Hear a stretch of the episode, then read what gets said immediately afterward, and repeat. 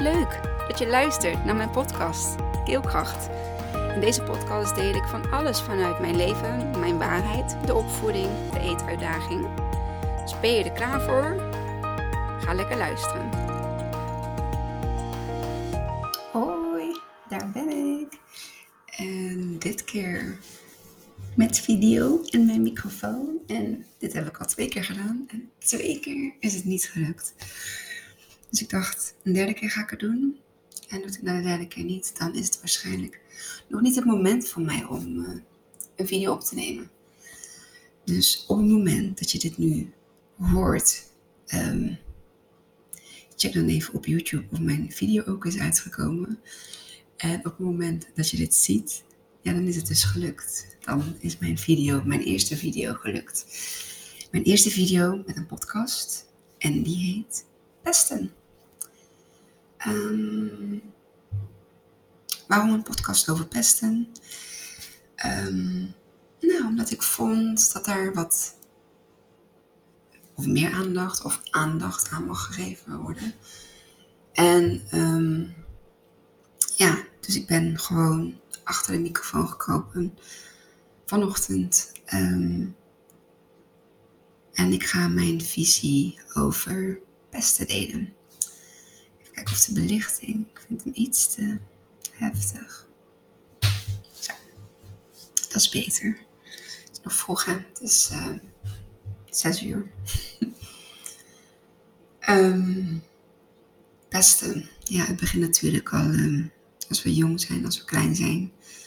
En uh, ik heb zelf ook een uh, ervaring met, uh, met pesten.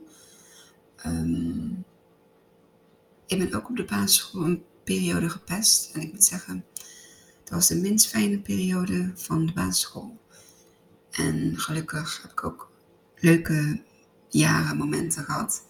Maar dat was in groep 8. En uh, ja, je hebt altijd een typeje in de klas zitten wat, uh, uh, wat gaat pesten. Um, en ik weet nu eigenlijk dat eigenlijk alles wat een pester um, doet, projecteert hij zijn eigen uh, gevoelens, zijn eigen emoties, projecteert hij op een ander. En als je daar een makkelijke uh,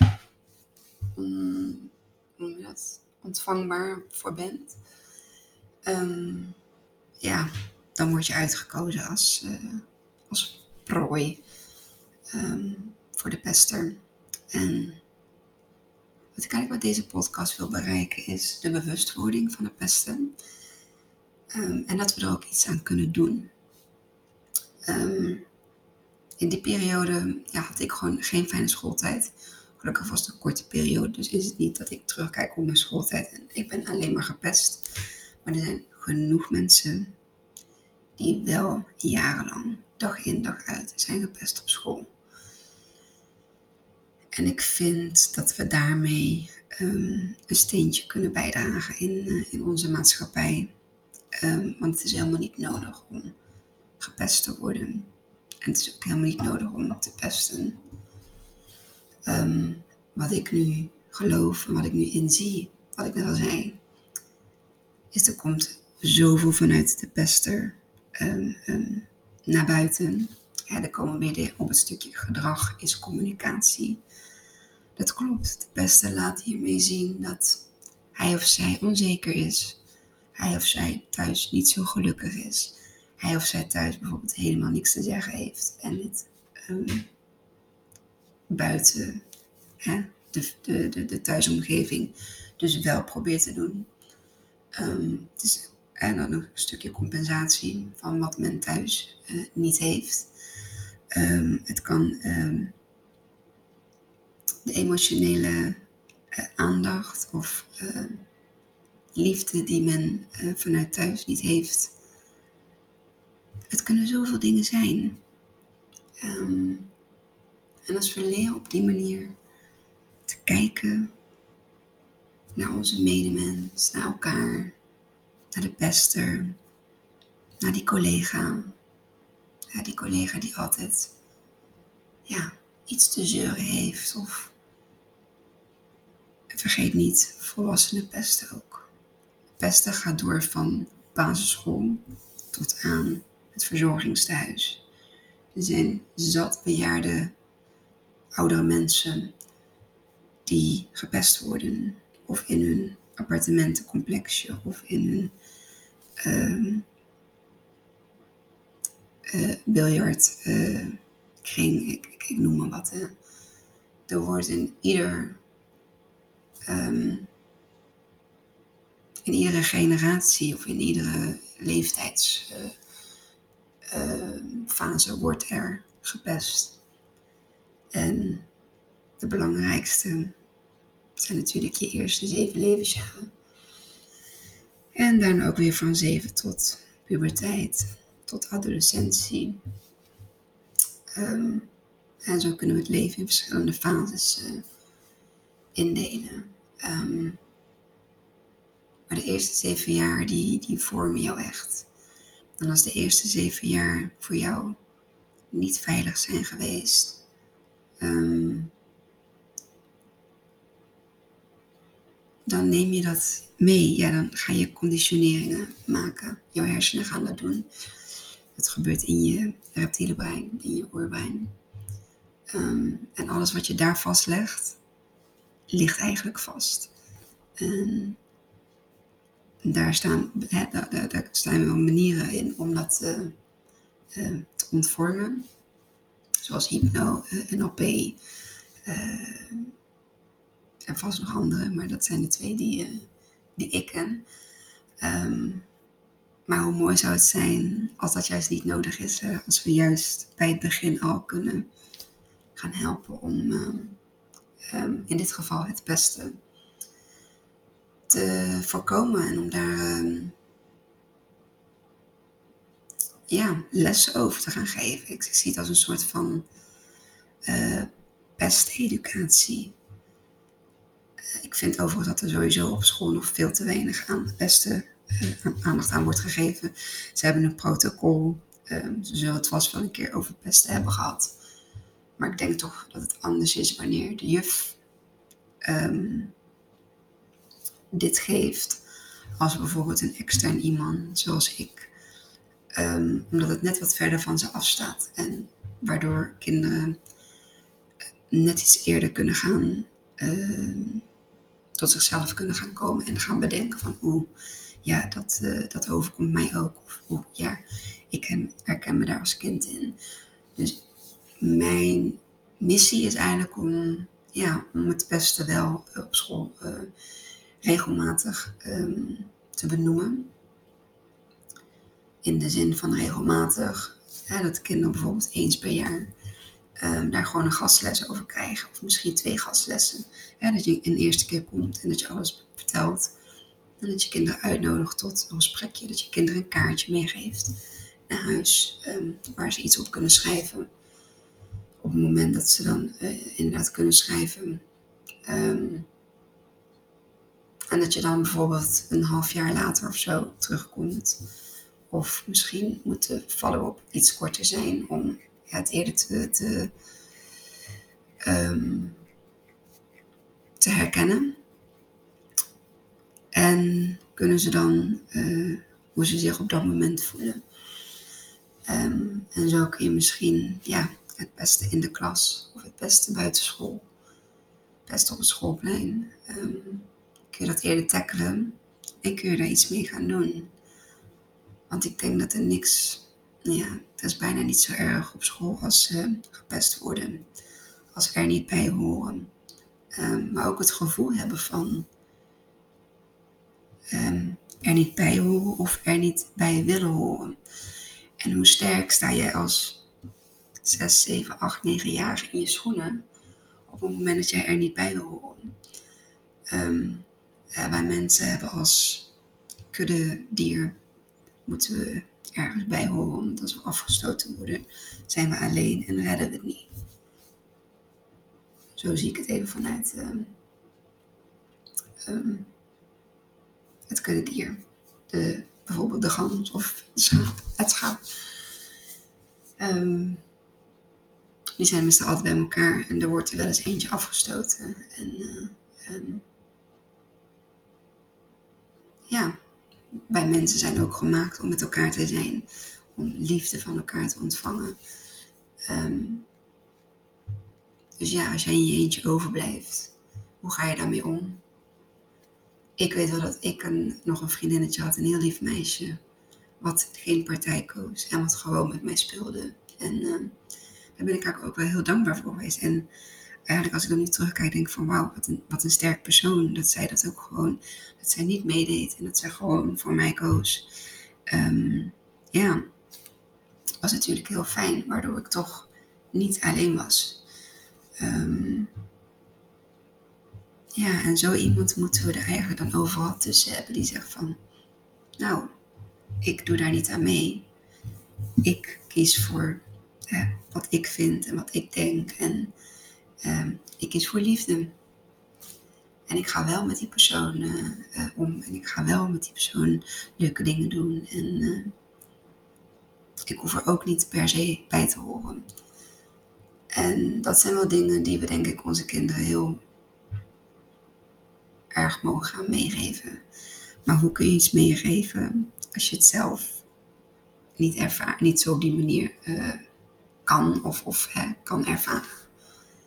Dat wil zeggen dat wij als volwassenen ook uit die groepsdruk um, um, zouden moeten stappen.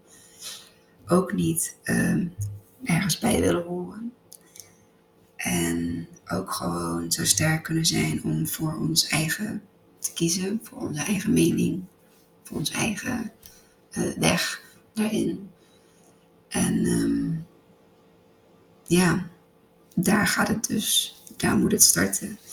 En um, ik voor mezelf heb um, de afgelopen 2,5 jaar wel ervaren dat ik nergens bij wil horen. Mijn gezin, mijn familie, dat is waar ik bij hoor. En mijn eigen gekozen vrienden. Maar ik heb niet die drang om tot een bepaald groepje te willen horen. Of, uh, uh, dat, dat, heb, dat heb ik, nee, dat heb ik ook gewoon niet, zeg maar. Vroeger natuurlijk wel gehad. Want ja, je moest ergens bij worden. Want anders uh, dan weet je er niet toe. Um, maar juist heb ik ook geleerd in, in vriendengroepen en dergelijke. Op het moment dat ik ergens in zit en, en Um, er worden allemaal dingen geregeld en gepland. En merkte ik op een gegeven moment dat ik dat eigenlijk niet wilde. Dat ik daar een beetje afstand van deed. Ik zoiets had van nee, maar ik wil gewoon de dingen doen wanneer ik ze wil doen. Um, voornamelijk ook hoe ik ze wil doen. En met wie ik ze wil doen. En ik wil niet ergens in een soort van vast clubje zitten Nee, ik ben ook gewoon zo'n voorbijganger, weet je wel. Ik vind het daar leuk, ik vind het daar leuk, ik vind het daar leuk. En soms wil ik ook gewoon helemaal niks of niemand even. Dan heb ik heel veel genoeg aan mezelf. um, terwijl als ik ergens ben en het is druk en gezellig, ja, dan ga ik ook helemaal in die, in die, in die menigte, in die energie op. Maar het hoeft niet per se één vast groepje of één vast clubje te zijn. En dat zie ik nu ook wel een beetje bij Teerza terug. Die heeft dat dan ook wel. Die heeft zoveel vriendinnen. Um, ja, het is natuurlijk pas negen. Maar ook daar hoor je een beetje, weet je wel, wat er speelt. En, uh, dus ik probeer dat bij haar zelf ook heel erg te... te um, nou, ik vraag dat ook na bij haar. Um, hoe het dan is geweest. En uh, ja, de ene dag heeft ze dan een beetje mot met die. En uh, de andere dag is het dan iemand anders. En ik probeer haar echt mee te geven van Iedereen is zoals die is. Um, ook jij hebt wel eens je dag niet. Um, maar ja, weet dat je wel gewoon altijd mag kiezen voor jezelf. Dat je jezelf, en dat je niks verplicht bent tot een ander. Um, dat je daarin je eigen keuze mag maken. Maar zorg er wel voor dat je niemand bewust buitensluit. Uh, dat vind ik wel heel belangrijk. En kiezen om even met één meisje alleen of apart te spelen, omdat je dat gewoon heel graag wilt, dat is geen buitensluiten. Het is natuurlijk ook weer de energie, het gevoel wat achter een hè, bepaalde keuze of een bepaalde stap zit. Met welke intentie maak jij die keuze?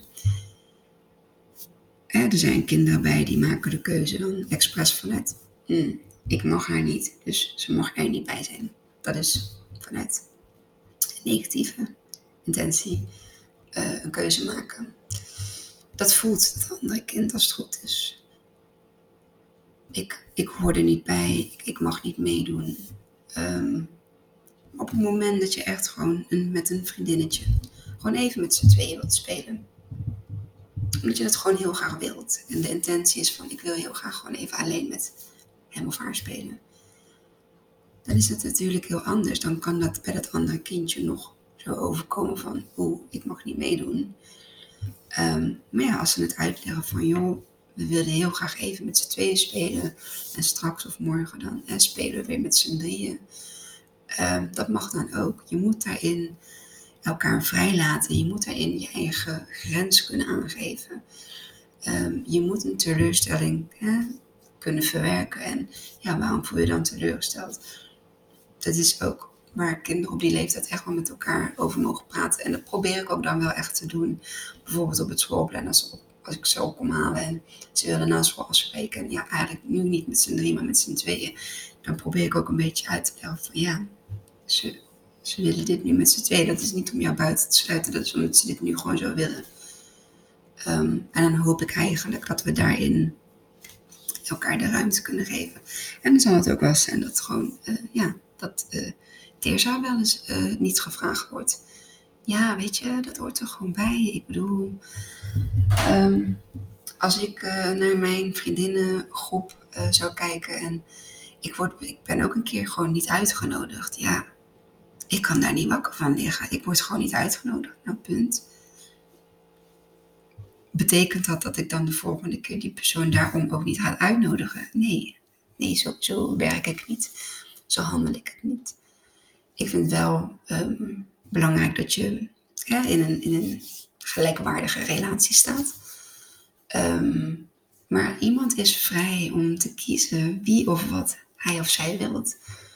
En um, ik voel me daar dan niet uh, buitengesloten. Of ik ben te sterk in uh, mezelf zijn, in mezelf iets waard vinden, in mezelf iets te gunnen, in mezelf um, ja, op nummer 1 te zetten.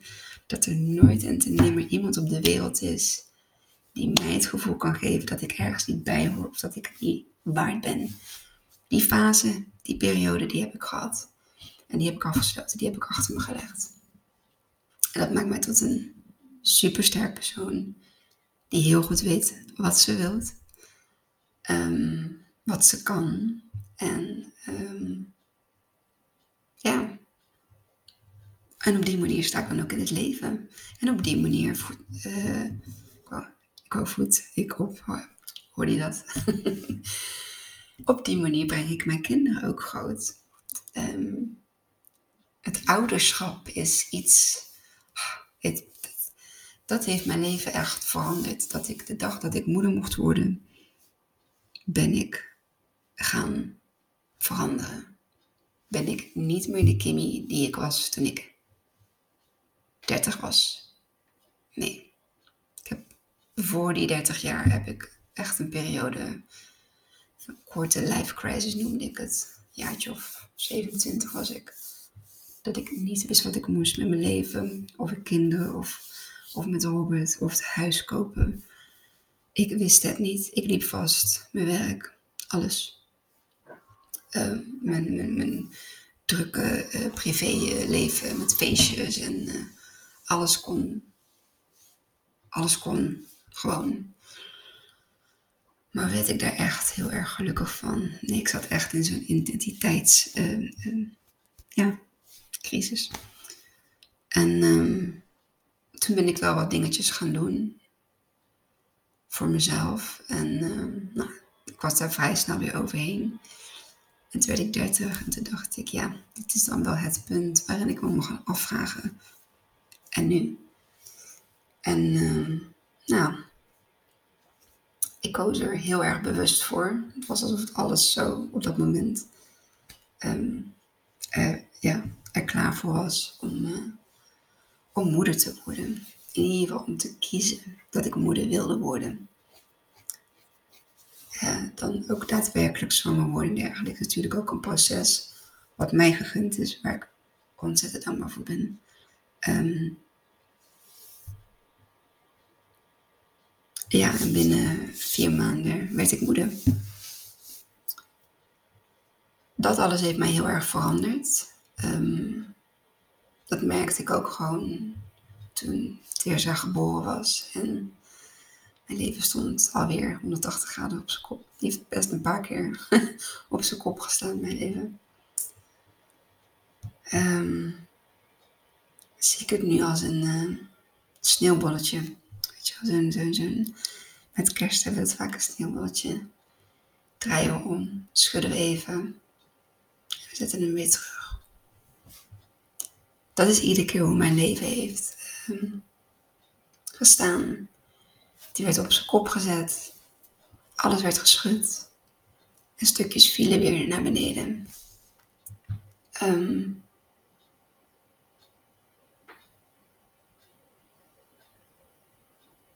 en het, ja, bij Teerza de geboorte heeft het zo gestaan. Bij Isai uh, alweer. Um, en toen Isai stopte met eten, alweer. En toen Shida overleed, alweer. En al die keren is die sneeuw, hè, schutbol omgedraaid geweest en weggezet. En de laatste keer wilde ik hem niet meer. Wilde ik niet meer dat hij um, snel maar nog een keer werd omgedraaid. En um, ben ik gaan kiezen voor geluk. En ben ik geluk gaan vinden? Is dat het? Nee, ben ik geluk gaan aantrekken. Dat is het. Um, en zo, fast forward, zijn we nu oktober 2022. En zit ik hier achter een camera een podcast op te nemen over pesten. En gun ik gewoon eigenlijk ieder kind, maar ook ieder volwassene, om ehm, dat pesten te gaan belichten. Wat zit er achter het pestgedrag van de pester? Wat zit er achter het gedrag van de gepesten? En hoe kunnen we hun tot elkaar laten komen? Dat er een andere verbinding, een andere connectie ontstaat dan um, alleen maar het pesten. Ergens wordt er ook een spiegel voor gehouden. dus de, de, de, de pester spiegelt zijn of, zijn, zijn of haar onzekerheid of trauma of verdriet of wat er dan ook zit aan de gepeste. Maar de gepeste spiegelt datzelfde terug aan de pester. En als we ons daar bewust van kunnen zijn en als wij ehm, als volwassenen bewust zijn om dat te kunnen zien bij, uh, nu in dit geval de kinderen, maar toch ook bij de mensen op het werk. Hoe vaak wordt er niet getreiterd en gepest op het werk? Je hebt een vorm van pesten plagen en je hebt een vorm van pesten, treiteren, bewust uh, iemand um, op die manier uh, te willen raken, te kakken willen zetten. Hm. Niet fijn, totaal niet fijn. Maar het zegt heel veel over de pester. En als we met uh, die mensen in gesprek gaan, als we bij die mensen nou de angel eruit kunnen halen, de angel waarom zij dat gedrag laten zien, wat is hun communicatiedoel daarmee, dan kunnen we zoveel winnen. Ah, we kunnen zoveel winnen. We kunnen het leven voor zoveel mensen dan zoveel makkelijker, simpeler en mooier maken. En hoeven geen kindjes meer die bang zijn om naar school te gaan. Ik was bang om naar school te gaan. Ik was bang om uit school te gaan. Ik was blij als mijn zus me op kwam halen. Ehm, omdat ik gewoon niet ehm, met de pester um, hoog en hoog wilde staan naar school. Want ik bang was dat ik klappen zou krijgen. Ehm, en dat, dat, dat wil ik gewoon niet. Ik, ik, ik wil dat mensen en kinderen verdraagzaam zijn tegen elkaar. Echt verdraagzaam. Dat we elkaar kunnen accepteren om wie we zijn. Ehm, met onze mooie en onze minder mooie um, eigenschappen. Met onze kwaliteiten. Met onze verschillende uiterlijke. Met bril, zonder bril, met beugel, met uh, spotjes, met uh, rood haar, met uh, donker haar, met een platte neus, met een kromme neus, met een grote kin. Ik wil dat we elkaar gewoon kunnen accepteren. Ja, dat is denk ik um, wat ik uiteindelijk wil. En als we dat op zo'n jonge leeftijd al kunnen inbouwen bij ze, kunnen, kunnen um, installeren eigenlijk. Want we worden allemaal zo geboren, hè? Het is onze opvoeding, het zijn onze um, Um, het is dat wat wij hè, ontwikkelen um, in onze jeugdtijd. Wat ons dan een bepaalde basis daarin geeft.